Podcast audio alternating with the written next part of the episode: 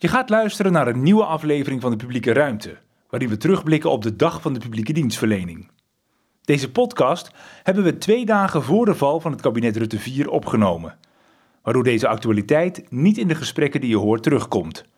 Vanzelfsprekend doet dat niets af aan de boodschap van iedereen. Samenwerken aan een betere publieke dienstverlening in Nederland. U weet, als je iets twee keer doet, dan is het een traditie. We hadden net het, de eer om zelfs met de minister, die kwam, die schoot ons aan. En, eh, en dat vind ik wel heel top, want we moeten het samen doen. Ja, daar staan we weer. En eh, het is altijd een mooie dag eh, waarop iedereen elkaar weer kan ontmoeten. Ik moet zeggen dat ik nu wel vond vandaag dat ik heel veel mensen heb gehoord van ambtenaren. Ze hebben het hart op de goede plek. Ze willen het wel beter maken, maar ze, ze lopen ook tegen eh, beletsels aan. Onderwerp van deze editie is samenwerken aan vereenvoudiging. Maar dan moeten we het anders gaan doen. En we zijn nu een beetje op de drempel van het besef dat het anders moet, maar ook het echt anders gaan doen. En daar is vandaag, is vandaag heel belangrijk voor. Welkom in de publieke ruimte. Een podcast over prangende vragen en taaie dilemma's die komen kijken bij een betere publieke dienstverlening. De plek waar nieuwe perspectieven een podium krijgen. Welkom, welkom in de publieke ruimte, waarin we deze keer terugblikken op een traditie. Tenminste, dat zei minister Schouten nog. Als iets twee keer plaatsvindt, dan mag je van een traditie spreken. De dag van de publieke dienstverlening. We gaan erop terugblikken aan de hand van een aantal fragmenten. Op 22 juni werd deze dag voor de tweede achtereenvolgende keer georganiseerd. Waar het zich vorig jaar nog allemaal concentreerde op één plek, waren er nu in de ochtend verschillende workshops en sessies op plekken in en rondom eh, Den Haag. Otto, jij, was ook uh, aanwezig. Op welke plek was jij in de ochtend te vinden? Uh, ik was in de Tweede Kamer. Ik, uh, ik had meteen een heel vakantiegevoel, want ik stond er op mijn sokken zonder riem door een of andere band heen te gaan, alsof ik naar Gran Canaria vloog. Maar uiteindelijk kon ik toch de Statenhal in, of de Statenpassage heet het geloof ik. En daar heb ik het ochtendgedeelte in de Kamer mogen bijwonen. En, en waar was jij? Ik heb uh, geen beveiliging gehad bij Amare. Oh. Uh, dat is een uh, conservatorium waar... Concertzaal, ho, Concertzaal, ho. ja, nee, maar ook het conservatorium zit daar. in ieder geval konden we daar een workshop geven van Duo. Met Kamerleden, met burgers, met mensen van beleid, met mensen van de uitvoering. Om te praten over ja, ingewikkelde casussen waar we soms in de uitvoering wat buikpijn van krijgen. Oh, leuk. Nou, een, een, dag die begon met buikpijn. Dus eens kijken ja. of, of dat nog een beetje oplost gaandeweg ja, precies, de dag. Precies. Want we blikken dus terug op deze dag samen met uh, twee mensen die een hele belangrijke rol hebben gespeeld op deze dag. Onze eerste gast die was vorig jaar nog deelnemer vanuit het perspectief van uitvoeringsorganisatie, waar ze toen voorzitter van de Raad van Bestuur was, het Centrum Indicatiestellingszorg, CIZ. Inmiddels is zij programmadirecteur-generaal van de organisatie die de dag heeft georganiseerd. Werk aan uitvoering. Christa Klein, van harte welkom. Dankjewel. Ja, en, en ja, zo'n zo'n andere rol. Beleef je die dag dan ook meteen heel anders? Nou, ik heb het inderdaad wel anders beleefd. Enerzijds, vorig jaar was ik natuurlijk gewoon deelnemer, zou je kunnen zeggen. En uh, dit jaar heb ik natuurlijk gezien hoe hard collega's hebben gewerkt van tevoren om hier een uh, hele mooie dag van te maken. Dus dat was natuurlijk dan ook spannend. Hè? Zou dat uitpakken zoals je denkt dat, uh, zoals je dat hoopt. Um, maar ik heb ook uh, een dag gezien met veel meer mensen. En echt ook met, met veel meer Kamerleden bijvoorbeeld. En, waarin we hele mooie voorbeelden, ook al concrete voorbeelden hebben kunnen laten zien. Van ja. samenwerking die voortkomt uit. Nou, hoe werken we nou samen aan de dienstverlening? Wow. Dus ik vond daarmee ook het, het ja, wat, we, wat we die dag samen met elkaar hebben kunnen beleven. Vond ik daarmee ook heel positief. En ook weer anders dan de eerste editie. Ja, de dag van de publieke dienstverlening bracht vier perspectieven bij elkaar. Ik zei het al, politiek, beleid, uitvoering en burgers. Onze andere gast kan vanuit veel van deze perspectieven meepraten. Ze was Tweede Kamerlid voor D66, wethouder in Wassenaar in Amersfoort... en sinds vorig jaar de voorzitter van de Landelijke Cliëntenraad. Fatma Kosekaya, welkom. Uh, je was naast Ruben Maas dagvoorzitter. En wat mij opviel uh, is dat je de, de mensen in de zaal en de gasten... voortdurend wees op het perspectief van de burger... Uh, verliezen we dat uh, te makkelijk uit het oog? Ja, we hebben dat jarenlang eigenlijk uit het oog verloren. Er is op dit moment echt een kentering gaande dat die burger wel ongelooflijk belangrijk is als je goede wetten wil maken, beleid wil maken, regels wil maken. Want uiteindelijk zijn we allemaal in dienst van die samenleving. Of het nou de uitvoeringsinstelling is, of de wethouder bij een gemeente, of SVB, UWV. Uh, dat betekent dat we dus ook voor die burgers ook datgene moeten doen die het beste voor ze uitpakt. Ja. En dat, ja, daar hoort de burger aan de voorkant dus bij. Bij het formuleren van die wetten, regels en beleid. Ja, doen we te weinig? Ja, nou ja, we hebben wel eens even gekeken op deze dag hoe iedereen uh, die verschillende perspectieven hanteert. We hebben rondgelopen hè, bij een groot aantal bijeenkomsten, veel perspectieven gehoord. Onder andere ook dat in de Kamer. Uh, Vera Bergkamp, voorzitter van de Tweede Kamer, en Carola Schouten, de minister van Armoedebeleid, Participatie en Pensioenen. Zij hadden aan het begin van de dag uh, een filmpje gemaakt om iedereen van harte welkom te heten. En het thema was samenwerken aan vereenvoudiging. En dat thema lijkt me terecht gekozen. Aan het begin van dit jaar kreeg ik de staat van de uitvoering overhandigd. Duidelijk punt wat daarin gemaakt werd is complexiteit. Complexiteit voor burgers en ondernemers. Complexiteit in de uitvoering en dus in de dienstverlening. Alle reden om vandaag te bespreken hoe we dat kunnen verminderen. Hoe we samen kunnen werken aan vereenvoudiging. Om te kijken naar wat goed gaat, maar ook de knelpunten en dilemma's te benoemen die wij onderweg tegenkomen. En met elkaar vanuit politiek, beleid, uitvoering en samenleving te onderzoeken wat makkelijker kan en wat ieder van ons daar vanuit zijn of haar rol en positie aan kan bijdragen. Ja, Christa, uh, goed thema gekozen, samenwerken aan vereenvoudiging. Is, is dat de sleutel om tot betere publieke dienstverlening te komen?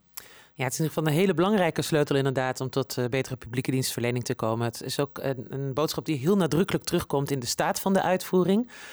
Um, en wat je natuurlijk ziet is dat sommige regelgeving uh, gewoon ook niet meer te begrijpen is uh, voor mensen. Juist voor de mensen, soms voor wie het bedoeld is. Uh, en als je het niet begrijpt, ja, hoe weet je dan waar je terecht kan om daar ook gebruik van te maken? Ja. We merken ook dat mensen zeggen, ja, ik weet eigenlijk niet eens wat dat dan doet voor mijn netto inkomen bijvoorbeeld. En moet ik nog iets terug? krijg, krijg ik dan ook daadwerkelijk meer als ik meer ga ja. werken bijvoorbeeld? Of schiet ik er uiteindelijk eigenlijk bij in netto? Nou, en dus als je, het is te complex geworden daarmee, zowel voor de, uh, voor de mensen in de samenleving, zowel voor de uitvoerders om het uit te voeren. Uh, maar ik werk nu sinds korte tijd ja, wat meer binnen het departement. En ook binnen het departement zijn er veel collega's die toch zeggen: ja, als er links iets verandert in de regeling, durf ik eigenlijk niet te voorspellen wat rechts het effect is voor mensen in de samenleving.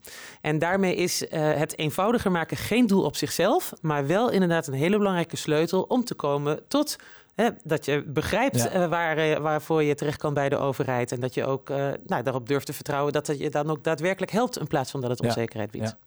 Ja. Dat, dat is wel herkenbaar. Want als je het hebt ook over die rol van die uitvoeringsorganisaties. Ik sprak Vera Bergkamp uh, ook eventjes in, in de Tweede Kamer op die dag. En ik, uh, ik vroeg haar ook van nou, die vereenvoudiging betekent ja, dat een deel makkelijker moet zijn voor de uitvoeringsorganisaties om je dilemma's bespreekbaar te maken. En dat is een prachtige intentie. Maar, maar leidt dat dan ook ergens toe? Dus ik vroeg haar of dat inmiddels al wat eenvoudiger gaat.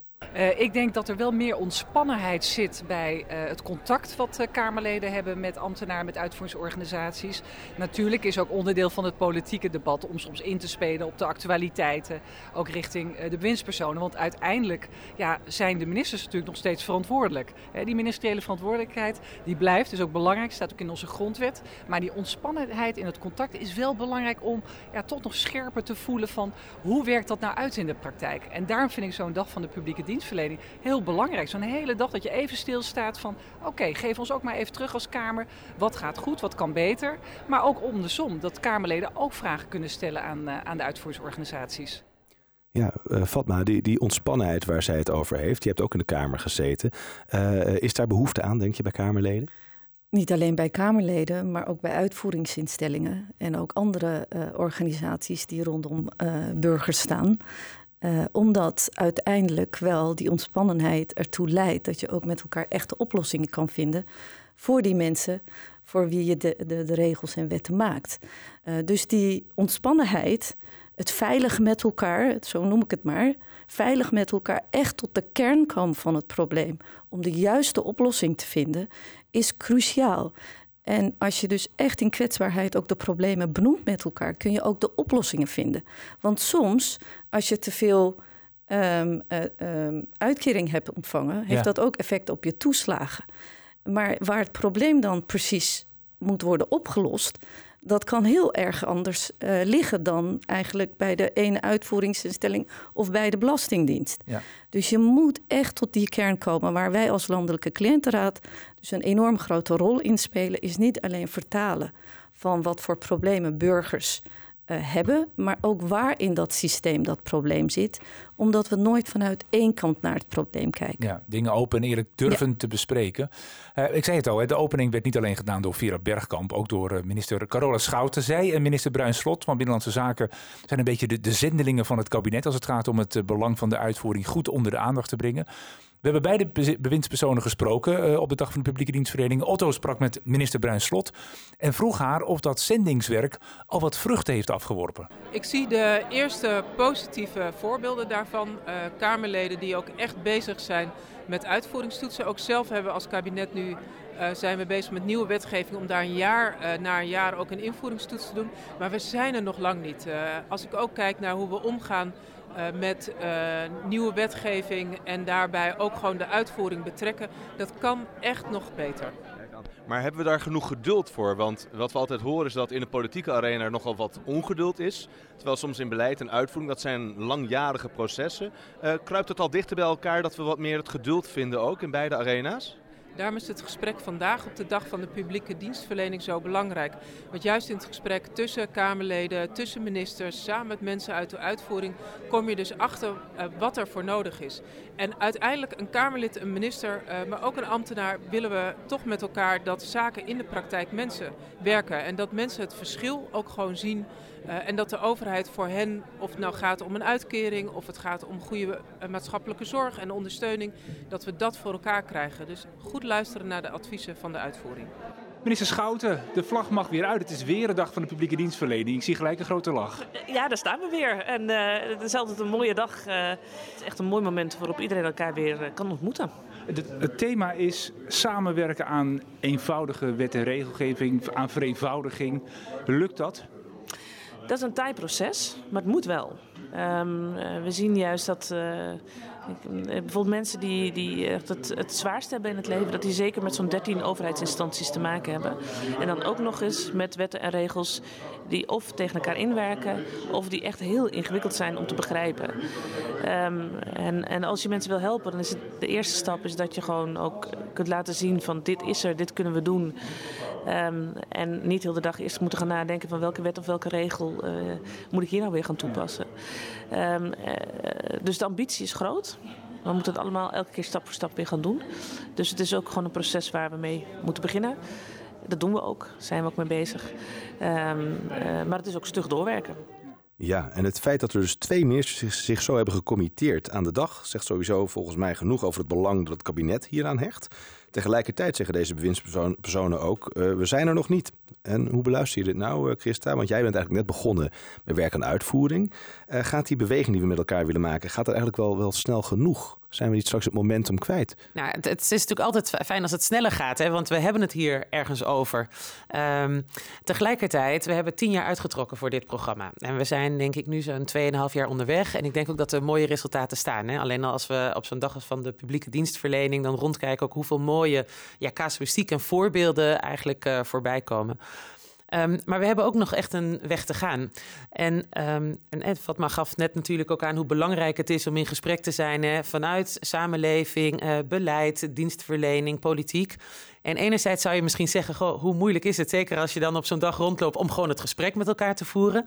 En tegelijkertijd zijn er zoveel patronen ingesleten waarin het eigenlijk helemaal niet natuurlijk is. Waarin we eigenlijk juist ja, vanuit een ander perspectief soms ook dezelfde woorden gebruiken, maar daar iets heel anders mee bedoelen.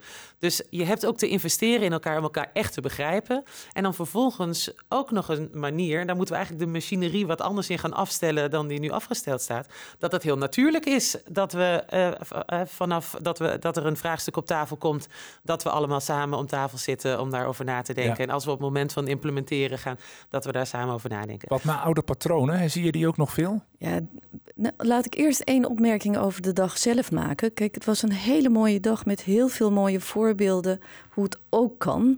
We hebben ook met elkaar allemaal uitgesproken om samen te werken, om dingen te doen. Uh, maar het staat en valt met invulling geven daaraan. Hè? En met name de cultuur, het cultuur, wat jarenlang ook heeft uh, uh, gezeten in, in hoe we mensen willen helpen. Um, daar moet wel enorm verandering in komen. Ja. Overal, in de politiek, bij de uitvoeringsinstellingen, uh, beleidsmakers. Het moet op een andere manier. En dat is wel een hele hardnekkige culturele veranderingen bewerkstelligen, zal tijd in beslag nemen. Maar we moeten daar wel inhoud aan geven. Want anders gaan we ook, ook als we snel gaan, gaat geheid iets mis, omdat dat deel gewoon uh, achterblijft en onbesproken blijft. Ja.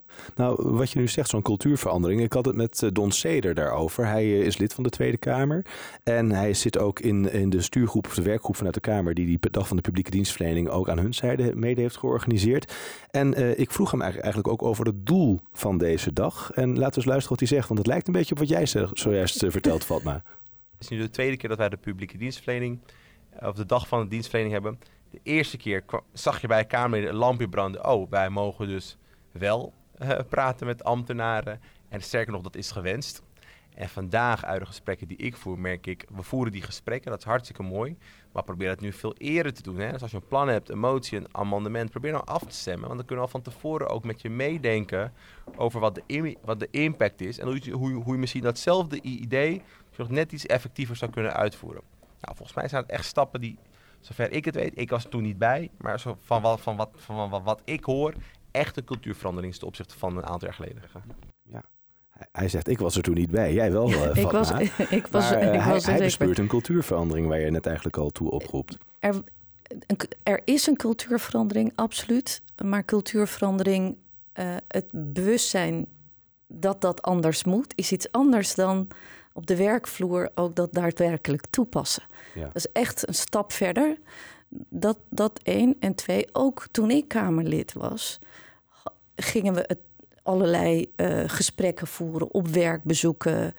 Uh, maar de culturele of de politieke houding toen was veel meer uh, vanuit uh, partijideologie of vanuit belangen die ook ongelooflijk belangrijk waren voor sommige niet, partijen. En die zijn er nu niet meer? Die zijn er nu ook. Oh. Dus daarom had ik zelf zoiets van... ja, het is heel mooi om dat op te roepen... maar je zult dat ook dan bespreekbaar moeten maken. Want anders ga je het ook niet veranderen. Ja, en kan dat, is, daar, is daar ruimte voor om dat bespreekbaar te maken? Nou, ik denk dat het wel uh, de Kamer ook heel erg zou helpen... als uh, zij ook het gesprek met elkaar voeren... Uh, over uh, wat hun uh, functie is in de kern. En dat is voor de mensen het beter maken, het leven beter maken, wetten maken die ze helpen enzovoort. Ja, dat betekent dus dat zij ook moeten nadenken over wat is ons aandeel in hoe we dit naar een positiever, ja, positiever resultaat te brengen. En daar hoort ook een cultuur die daar ook bespreekbaar moet zijn. Ja, in de ochtend waren er uh, op verschillende plekken uh, workshops, hè, uh, sessies, gesprekken tussen de vier verschillende perspectieven. Onder andere dus in de Tweede Kamer. Otto, daar heb jij je oren te luisteren gelegd. was daar die cultuurverandering waar we het nu over hebben al een beetje merkbaar? Ja, we, we, schuifelen een beetje als uh, prille pubers op een, op een dansvloer. Hè? Dat, is, dat is het gevoel wat ik er een beetje bij heb. Het gaat langzaam en een beetje onhandig voor de buitenwereld, maar het beweegt. En uh, laten we daar nou dan ook niet meteen vanuit de media dan opduiken en zeggen... kijk eens, het gaat niet snel genoeg of het ziet er niet heel sexy uit. Maar laten we vooral waarderen wat er wel is. Hè? Ik heb bijvoorbeeld meegeluisterd met een ronde tafelgesprek... over de invloed van veranderende wet en regelgeving op de ICT bij uitvoeringsorganisaties. En Duo en de Belastingdienst gingen daar in gesprek met verschillende Tweede Kamerleden... Uh, een ander tafelgesprek ging daar over de toezichtsintensiteit. En na afloop nam ik de proef op de som en sprak ik daar met Tweede Kamerleden die deze ronde tafelgesprekken hebben voorgezeten. Uh, Evert-Jan Slootweg van het CDA en Hint Dekker van D66. Uh, ik heb uh, onze gasten gevraagd wat zij aan ons Kamerleden willen meegeven dat wij beter kunnen doen. En daar kwamen twee dingen uit. Uh, makkelijkere of minder complexe regelgeving aan de ene kant. En aan de andere kant willen ze ook heel graag dat de ervaringen van die toezichthouders naar ons toe komen. Die signalen op een makkelijke manier. Dus dat heb ik echt opgeschreven. Ja. En die uh, signalen verzamelen, hè, dat gaat dan via uh, uitvoeringstoetsen, dat gaat via technische briefings. Heeft u de indruk dat de Kamer daar voldoende gebruik van maakt om, om die signalen ook goed te kunnen benutten? Uh, ik doe dat zelf wel in mijn werk, maar ik denk dat wij met z'n allen een structurele manier moeten uitvinden hoe deze signalen eigenlijk altijd kunnen komen en kunnen leiden dan tot een verbetering of een, een wijziging van, van een wet. Want het is nooit een hoe zeg je dat? Het is nooit, uh, het, het, is altijd veranderlijk, zeg maar. En dat moet je ook altijd onder ogen zien. Het is geen, ja. Dus dat moet je intensiveren en structureel maken, hoor ik u eigenlijk zeggen. Eigenlijk moet dat gewoon eigen zijn. Ja. Het moet altijd, uh, altijd zo zijn dat een wet niet statisch is en uh, dat als er een signaal komt, dat dat serieus genomen wordt. Want ik, wat ik um, heel opmerkelijk was, dat was ook ongeveer de laatste woorden die hier werden gezegd, dat we er eigenlijk steeds beter in worden om de uitvoeringsproblematiek ook op het netvlies te krijgen bij Kamerleden. En als je dat niet doet, dan ben je denk ik heel erg mee bezig met je eigen politieke wens. Maar heb je eigenlijk te weinig inzicht in wat die politieke wens zou kunnen betekenen voor de uitvoering. Oké, en uh, zijn er ook dossiers waarin u ziet uh, van nou, hier, hier vindt het ook al op een andere manier plaats, die interactie, die samenwerking. Het ging onder meer over, over meer experimenteren, innoveren, greenfield-achtige benaderingen. Merkt u er als Kamer al iets van? Nou ja, wat ik nu in ieder geval ook hoorde, en dat was op deze bijeenkomst, dat er rond bijvoorbeeld zo'n kinderopvangtoeslag, en dat hebben we volgens mij vandaag ook in de, de krant kunnen lezen, dat er eigenlijk ook heel erg direct naar de uitvoering, wat zijn nou de consequenties, wat is de impact? En dat er ook al meteen eigenlijk wordt gekeken bij de uitvoering. Dus niet van wat doet het in de modellen, maar ook wat doet het in de uitvoering. En dat vind ik wel een goede ontwikkeling. Ja, uh, Christa, hoe beluister jij dit? Want jij bent met werk en uitvoering druk bezig om die, uh, die afstand tussen bestuur, beleid, uitvoering, die afstanden, die kloof eigenlijk wat te dichten. En hier wordt al wel gezegd van nou, we beginnen al wel wat meer geduld te hebben, wat meer gebruik te maken van die informatie. Nu wordt er heel veel informatie ook door verschillende uitvoeringsorganisaties richting uh, het Rijk, richting de Kamer gestuurd. bijna zoveel dat je zegt, ja, pas op dat je niet te veel stuurt. waar zit het evenwicht? Ja. Vraag. Ik denk dat de ontwikkeling om te beginnen heel positief is. Uh, ik ben zelf ook verantwoordelijk geweest voor een uitvoeringsorganisatie. En ik heb het gemerkt hoe lastig het soms is, juist om de Kamer te bereiken. Um, terwijl je denkt, het is wel heel waardevol voor het gesprek wat we kunnen hebben, de informatie vanuit de uitvoering. Dus dat, hoe kan dat, dat het zo lastig is? Um, nou, ik denk enerzijds ook omdat er natuurlijk heel veel onderwerpen zijn die op het bord liggen bij, uh, bij Kamerleden ook van wat is de urgentie. Hè? Soms zijn dingen, uh, wil je eigenlijk dingen bespreken voordat iets urgent wordt. Maar de vraag is, als het nog niet urgent is, of het komt nog niet terug in de media, of er dan al toch al tijd voor gemaakt kan worden. Dus ik denk dat is ook gewoon de realiteit uh, waar we mee te maken hebben. Dus wat hier wordt gezegd, vind ik heel erg positief. Omdat uiteindelijk gaat het natuurlijk om de effectiviteit van wat je doet. Dus als je iets heel moois bedenkt wat niet is uit te voeren, ja, dan uiteindelijk is het nog niet effectief. Dus dit gesprek, uh, en dat is een ontwikkeling, uh, maar deze beweging hierin, die vind ik heel erg positief.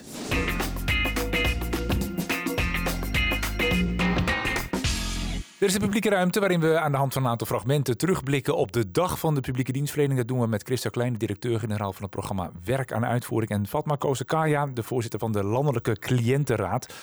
Een man die het geluid van de burger als geen ander weet te vertegenwoordigen. Dat is natuurlijk de nationale ombudsman, Reinier van Zutphen. Hij hield een, een keynote en na afloop sprak uh, Otto M. En hij vroeg of hij nog een nieuwe boodschap heeft na al eerdere verschenen rapporten en boodschappen van zijn kant. Nou, misschien wel niet. Hè. Toen ik hierheen liep, toen dacht ik, in der wiederholung zeigt zich der Meister. Dus uh, dat ga ik dan maar doen vandaag. Dus het is wel de boodschap die wij al langer brengen. De dingen die nodig zijn, hè, dat mensen tijd krijgen om het goede te doen voor de burger.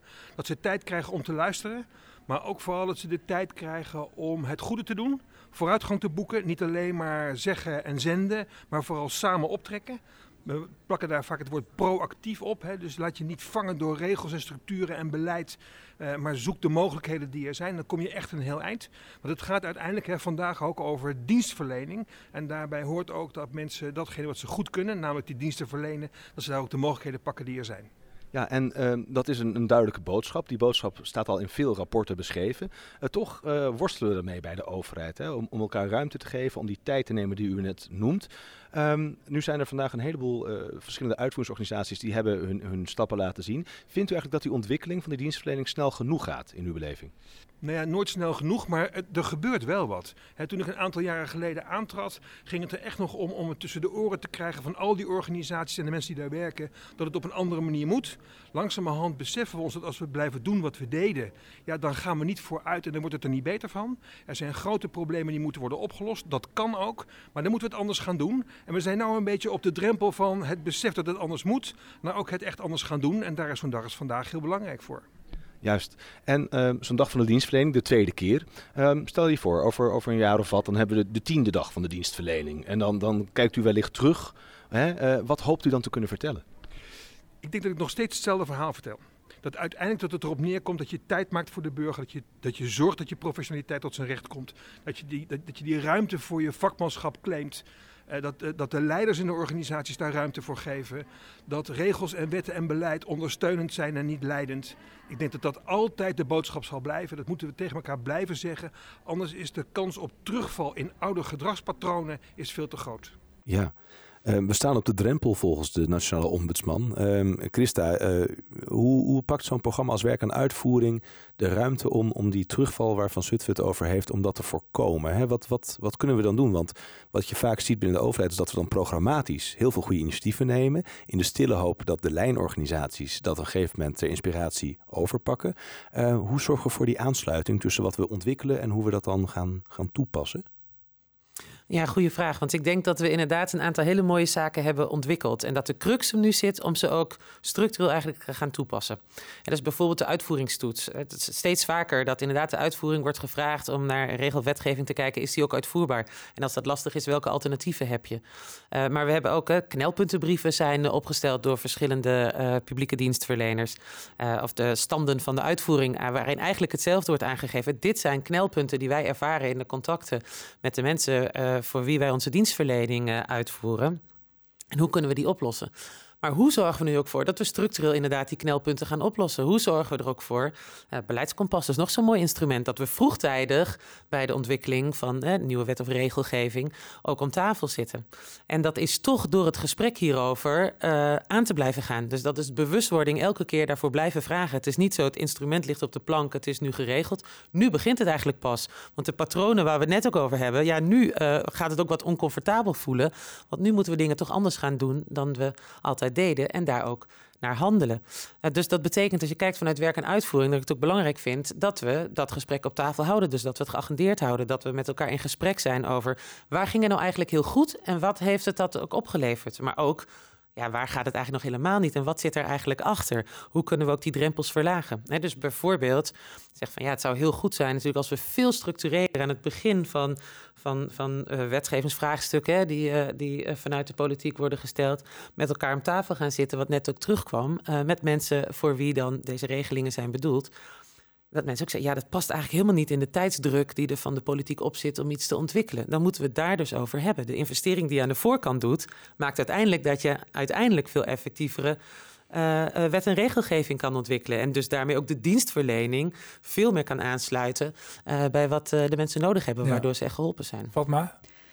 Weet je, Renier van Zutphen heeft hele mooie dingen gezegd. En hij He, bij hem komen allerlei het casuïstiek wat achteraf uh, uh, dan beoordeeld en bekeken wordt. Als landelijke cliëntenraad zitten we aan de voorkant. En wij zitten en ook tijdens de rit of daarna bij evaluaties zijn wij voortdurend aan tafel om te kijken hoe die burger echt een plek kan krijgen in al die fases. En ik herken heel erg wat hij ook zegt. Maar ik herken ook als wethouder, ik heb met heel veel ambtenaren ook gesproken. En um, je kunt heel veel met elkaar afspreken, heel veel met elkaar ook uh, uh, bespreken. Maar bottom line is dat die medewerker aan de balie zit en die heel erg bang is dat het, gelijkheidsbeginsel um, uh, nou ja, niet gestand gedaan kan worden. Want dan kom je in presidentwerking.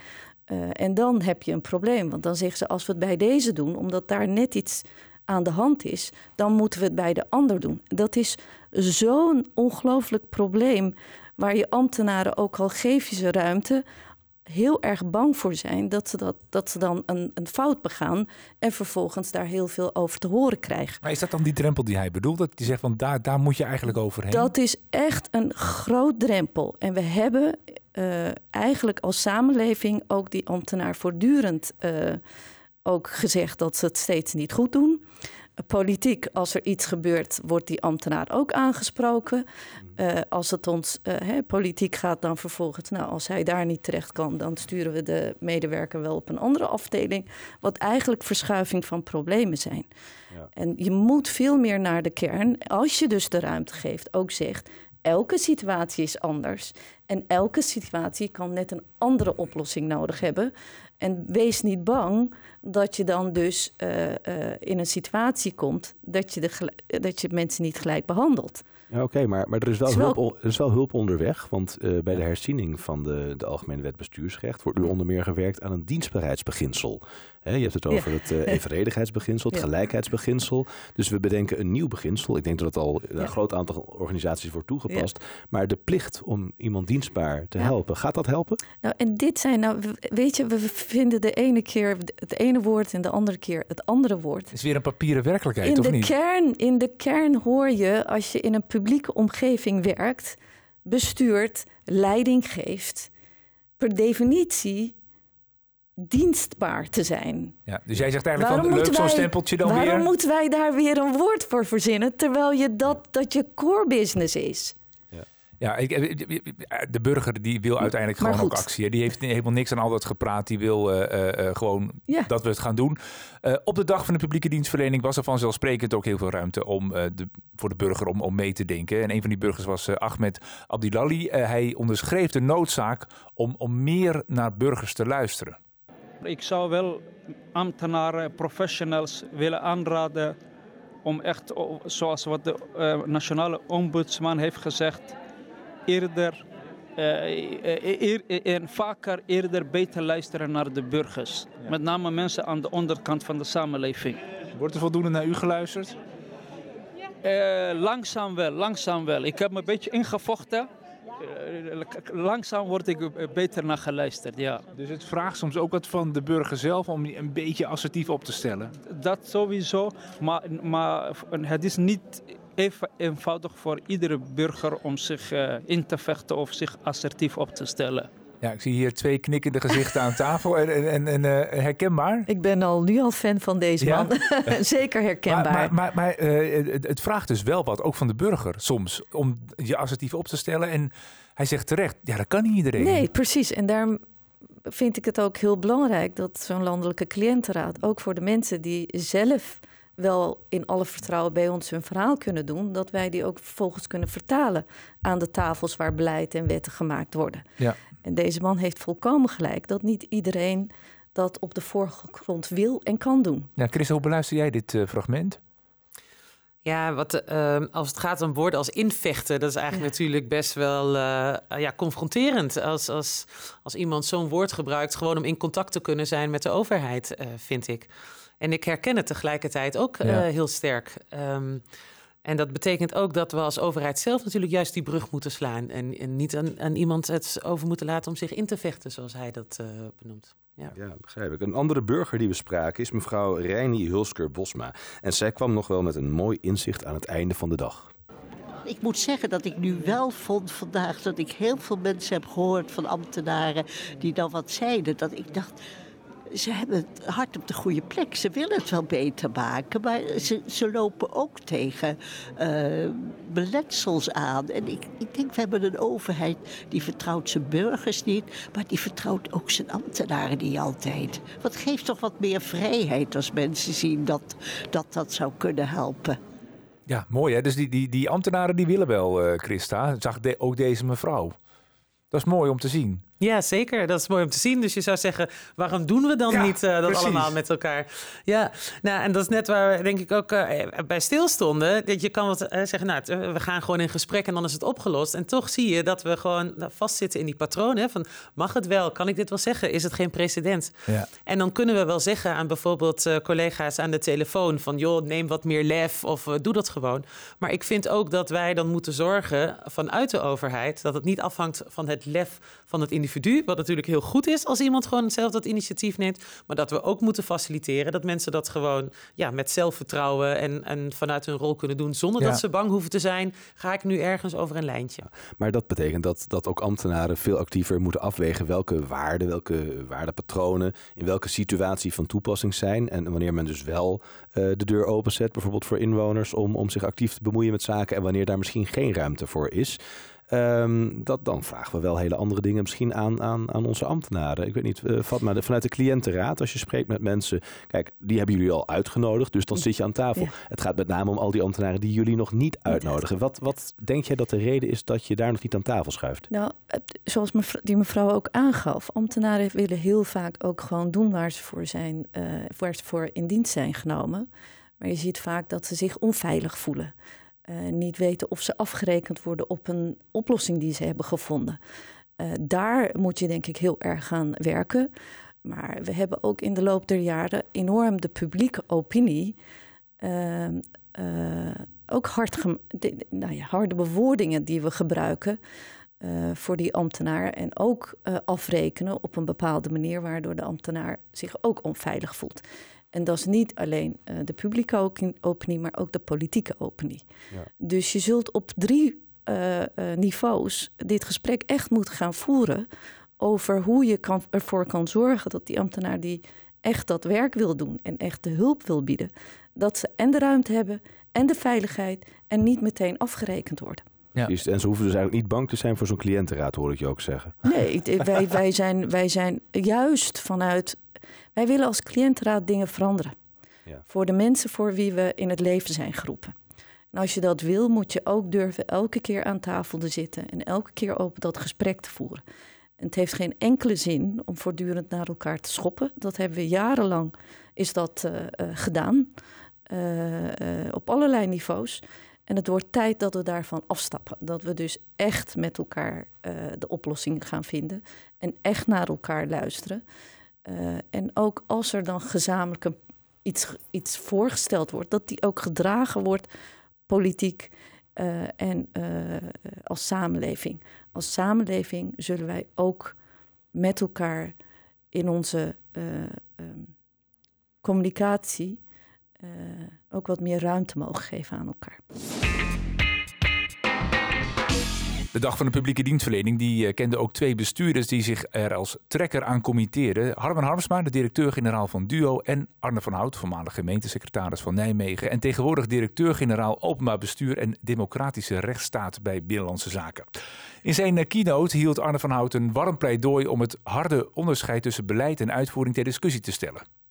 Nou ja, als je het hebt over beleid en uitvoering, denk ik dat we met elkaar de afgelopen jaren in een wereld zijn gegroeid waarin we beleidsdoelen bepalen en vervolgens de uitvoering gaan opdragen om die beleidsdoelen te realiseren.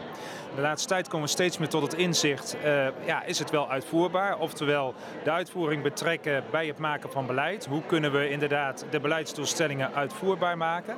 Maar ik denk dat we nog een stap verder moeten gaan en moeten gaan omdraaien.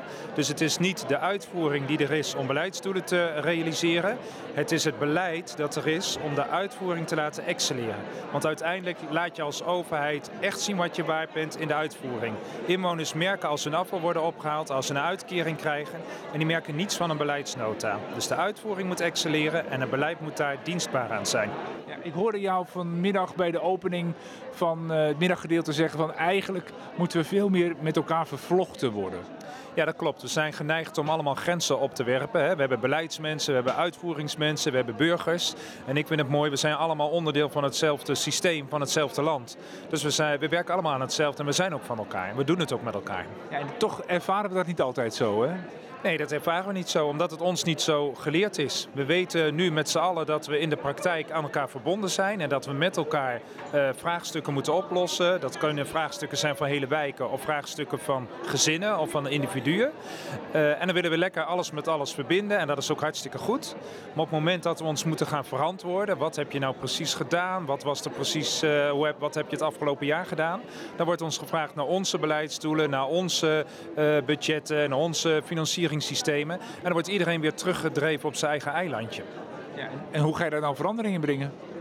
Nou ja, ik hoop daar verandering in te brengen. Dat we met elkaar uh, accepteren dat als we de dingen anders willen doen, dat we daar nog lerend in zijn. En dat er dus soms ook dingen fout zullen gaan. En dat we inderdaad in de verantwoordingswereld zullen zien, hé, hey, niet helemaal lekker besteed dat geld. En als dan een keer een programma komt, uh, geld is over de balk gesmeten of dat soort dingen. Dat we dan ook zeggen, ja, het heeft inderdaad niet gebracht wat we hoopten dat het bracht. Maar we hebben wel wat geprobeerd. En we gaan nu ook weer andere dingen proberen. En we hopen ook tot goede oplossingen te komen. Ja, iets minder een afrekencultuur. iets minder afrekencultuur, maar ook iets minder kramp. Ook iets minder kramp bij onszelf. En gewoon de rust durven te nemen om dingen te proberen, dingen te leren, dingen mis te laten gaan. En de pareltjes die we ontdekken eruit te halen en daarop verder te bouwen. Arne van Hout, uh, die zegt we moeten wat vaker uh, erkennen dat we ook fouten maken. Durven erkennen dat we fouten maken en dat ook gewoon goed uitleggen. Christa, hoe beluister jij dat? Ja, ik, eh, heel herkenbaar. Want als je dingen anders wil doen dan je deed, dan zul je ook bepaald, of, ja, of risico nou het juiste woord is, weet ik niet helemaal. Maar je zult dan wel ook uh, daadwerkelijk daar stappen in moeten zetten. En dus ook uh, het anders gaan doen ja. dan je deed. Dat zal andere reacties op gaan leveren. En die kan je misschien niet altijd voorspellen. Maar daarom proberen we juist andere dingen. Ja. Ook omdat we iets anders willen bereiken natuurlijk. Dus ik vind als je echt een fout maakt dan moet je die fouten kunnen toegeven. Dan moet je daarop aanspreekbaar zijn, ook als overheid. En dan moet je ook in de gelegenheid zijn om te herstellen. Maar als je bezig bent om te leren en te ontwikkelen, om uiteindelijk hè, te komen uh, tot wet en regelgeving, tot uh, publieke dienstverlening die aansluit bij de samenleving, ja, dan gaat dat soms met vallen en opstaan. En als we dat niet kunnen accepteren, ja, dan ontnemen we onszelf de mogelijkheid om echt ook stappen te zetten uh, om het te realiseren. En dat zou natuurlijk zonde zijn. Wat maar jullie hebben net als Anne uh, gewerkt in, uh, vanuit verschillende perspectieven. Hè? Dus uh, helpt dat om zaken beter te begrijpen? Zeker, want um, niets is eendimensioneel. je zult op verschillende invalshoeken ook moeten bekijken als er iets zich voordoet. wat ik ook heel erg belangrijk vind, wat Christa ook aangeeft. De wereld is niet maakbaar. Je best doen is belangrijk. En uh, proberen het uiterste uh, inzet te tonen, de uiterste inzet te tonen voor de mensen die je uh, iets wil betekenen. Ja. Dat is belangrijk. Dat er af en toe fouten zullen worden gemaakt. ik denk dat jij ook wel eens een fout maakt. Ik ook. dat hoort bij het leven. En het mooie is van fouten maken dat je er soms ongelooflijk van baalt. Maar dat je wel een veel beter oplossing soms kan vinden vervolgens. Ja, ja. Uh, zou, zou je daar, om, om meer ruimte te krijgen in de hoofden ook voor al die perspectieven, zou je daar bijvoorbeeld bij een ABD meer op moeten sturen? Dat je op meerdere plekken gaat zitten? Ja, ik ben daar een groot voorstander van. Dus dat je gewoon gedurende uh, je werkzame leven gewoon zelf ook ervaart vanuit die verschillende perspectieven. Wat, wat daarin belangrijk is om, uh, om effectief te zijn. Om daadwerkelijk dienstverlening te kunnen bieden die ook bijdraagt aan zekerheid of uh, ja. aan daadwerkelijke hulp. Dus ik ben daar een groot voorstander van. Zowel om, om op verschillende plekken te werken. Hè? Dus Arne had het net over gemeente en over Rijk, over uitvoering en over departement. Of, er zijn heel veel natuurlijk ehm, ja, manieren zeg maar, ja. om die perspectieven uh, te komen. Maar ook dat, uh, dat we ook aanreiken, zowel in bijvoorbeeld in opleidingen of in trainingen, dat dit ook de wijze is waarop we het belangrijk vinden om naar de wereld te kijken en naar ons werk te kijken. Ja. Dus ik denk ook als je zelf niet uh, dan op een hele andere plek ook werkt, dat je op zijn minst ook in dat gedachte de gelegenheid hebt om ook in dat gedachtegoed je eigen te maken en daarin meegenomen te worden. En ook echt de praktijk opzoeken. Ik merk elke keer weer als we mensen meenemen uh, voor werkbezoeken die in het, aan de beleidskant werken, uh, dat het elke keer echt ineens een wereld voor zo open gaat in, oh, dat had ik nooit bedacht. Oh, zit het zo in elkaar. Ja, dus ja, ja. heel veel ook de praktijk opzoeken, heel veel met mensen. Niet als, pas als je een beleid aan het maken bent, maar echt om ze te leren kennen, echt ook de samenleving ingaan. Nou ja, de praktijkopzoek hebben we ook gedaan op de dag van de dienstverlening, Martijn. Uh, tijdens de borrel en de bitterballen en de, en de hapjes ben jij nog eens even gaan vragen wat mensen volgens mij uh, vonden van deze dag. I iedereen kreeg de gelegenheid om op een briefje in te vullen van wat neem je nou mee? En, en we hebben even een paar van die uh, ambities opgevangen. Dat ik moet blijven herhalen in mijn eigen hoofd dat ik vanuit de burger denk. Terwijl ik dacht dat ik al heel veel doe, maar ik heb ook soms mijn vooroordelen. Het mooie is ook dat we hier mixen, want wij zijn van de uitvoering. Waar bent u van? Van de gemeente Maastricht en tevens bestuurslid van de VDP. Dat we beter afstemmen ook met de politiek. Hoe komt wet en regelgeving tot stand? Dus dat vind ik heel mooi. We hadden net het, de eer om zelfs met de minister, die kwam, die schoot ons aan. En uh, daar spraken we mee over het verkiezingsproces. En dat vind ik wel heel top, want we moeten het samen doen. En het is niet politiek, beleid en uitvoering. Nee, we zijn er samen van. Wat ik denk is dat wij veel meer met elkaar moeten leren om ook elkaar te faciliteren. Dus niet alleen de overheid de burger, maar de burger kan ook andersom faciliteren. En dat is een houding, uh, dat hoor ik nog wat minder naar voren komen. Maar het is denk ik ook ontzettend belangrijk dat we dat meer met elkaar gaan leren. Ik neem mee dat er heel veel goede bedoelingen zijn. Dat ik zie heel veel intrinsieke motivatie om het beter te doen. Ehm, maar doordat iedereen vanuit zijn eigen referentiekader opereert, uh, dat het vaak geen onwil is dat werelden elkaar niet raken, maar een gebrek aan kennis. En uh, dat is natuurlijk wederzijds moeten we daar stappen in ondernemen. Uh, ik ben zelf geen ambtenaar, ik ben zelf vanuit het burgerperspectief hier.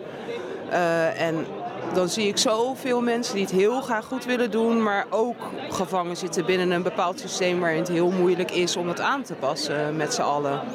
Dus ik hoop dat er gewoon een wederzijdse dialoog komt. Ik hoop dat mensen elkaar gewoon. Uh, als het aan mij ligt, komt er geen beleid meer zonder dat er aan de voorkant, zodra het concept geboren is, een ervaringsdeskundige, of uh, nou niet een deskundige, maar iemand met ervaringskennis, kan ook uit de eigen organisatie zijn, aan tafel zit. Ja, dat zijn, mooie lessen die mensen mee naar huis nemen. Uh, Christa, we begonnen de podcast al met de opmerking: ja, je hebt nu een hele andere rol zo'n dag kunnen beleven en beluisteren. Um, wat heb jij zelf meegenomen? Ja, dat, hoe belangrijk het is om continu die brug te slaan, dus in gesprek te blijven. Dat, ik vond ook dat het onwijs veel energie... Mij heeft het onwijs veel energie gegeven die dag. Zowel dat je hele mooie voorbeelden ziet van... Ik was ochtends bij het, eh, de gemeente, eh, het stadhuis van, de, van Den Haag samen met UWV. Hele mooie samenwerkingsverbanden. Dus je ziet op heel veel plekken dat het goed gaat. En tegelijkertijd merk je ook, dat hoor je natuurlijk ook in deze uh, ja, quotes of, en, en deze fragment van de mensen die dit zeggen.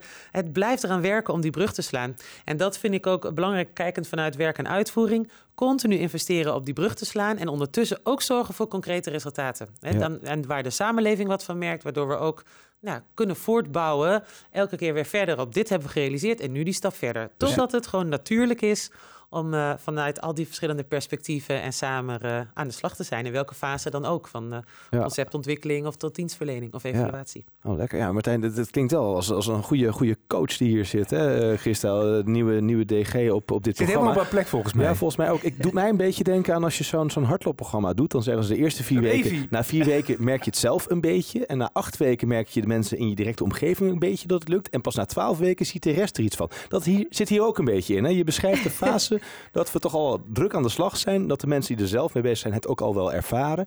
En als we dit gewoon goed doorzetten, het, het kost dus even tijd, gaan we het ook aan de buitenkant meer merken. Dus daar moet ik even aan denken. Uh, Fatma, wat neem jij mee? Wat heb jij op je briefje geschreven? Ik heb zelf niet op een briefje geschreven, ah. maar ik heb iets meegegeven op het podium. En ik heb eigenlijk opgeroepen als laatste om uh, in co-creatie de volgende keer een aantal voorbeelden uh, uh, te delen met elkaar hoe het ook kan. Want die cultuurverandering gaat pas plaatsvinden als je laat zien dat het ook echt anders kan. En als je dus gezamenlijk daar ook vorm aan hebt gegeven. Dus dat wil ik meegeven. Oké, okay, dank jullie wel. Uh, Otto, trouwens, wat heb jij meegenomen? Uh, een heleboel inspiratie en een heleboel enthousiasme. Uh, en toch ook wel de kriebel dat we nu van het praten naar het doen gaan. En uh, dat zie ik langzaam gebeuren. En, en dat zou meer podium mogen krijgen. Laten we vooral eens ook in komende afleveringen gaan kijken wat er al lukt en hoe andere organisaties daar gebruik van kunnen maken. Kijk, dat was nou precies de ambitie die ik ook uh, daarbij had. Uh, dank jullie wel. Dat zijn we het vreselijk eens. Ja. Dit was de Publieke Ruimte, een podcast over het verbeteren van de publieke dienstverlening. Naast mij zit Martijn Grimius, mijn naam is Otto Tors. Met dank aan onze gasten hier aan tafel, Kista Klein en Fatma Kozarkaya. En natuurlijk alle gasten die we spraken op deze dag van de publieke dienstverlening. Vond je dit interessant? Deel deze podcast dan met je collega's via social media of geef een reactie in de comments. Abonneer je op ons kanaal, dan krijg je vanzelf de nieuwe aflevering in je favoriete speler aangeboden. Graag tot de volgende keer. Tot de volgende keer.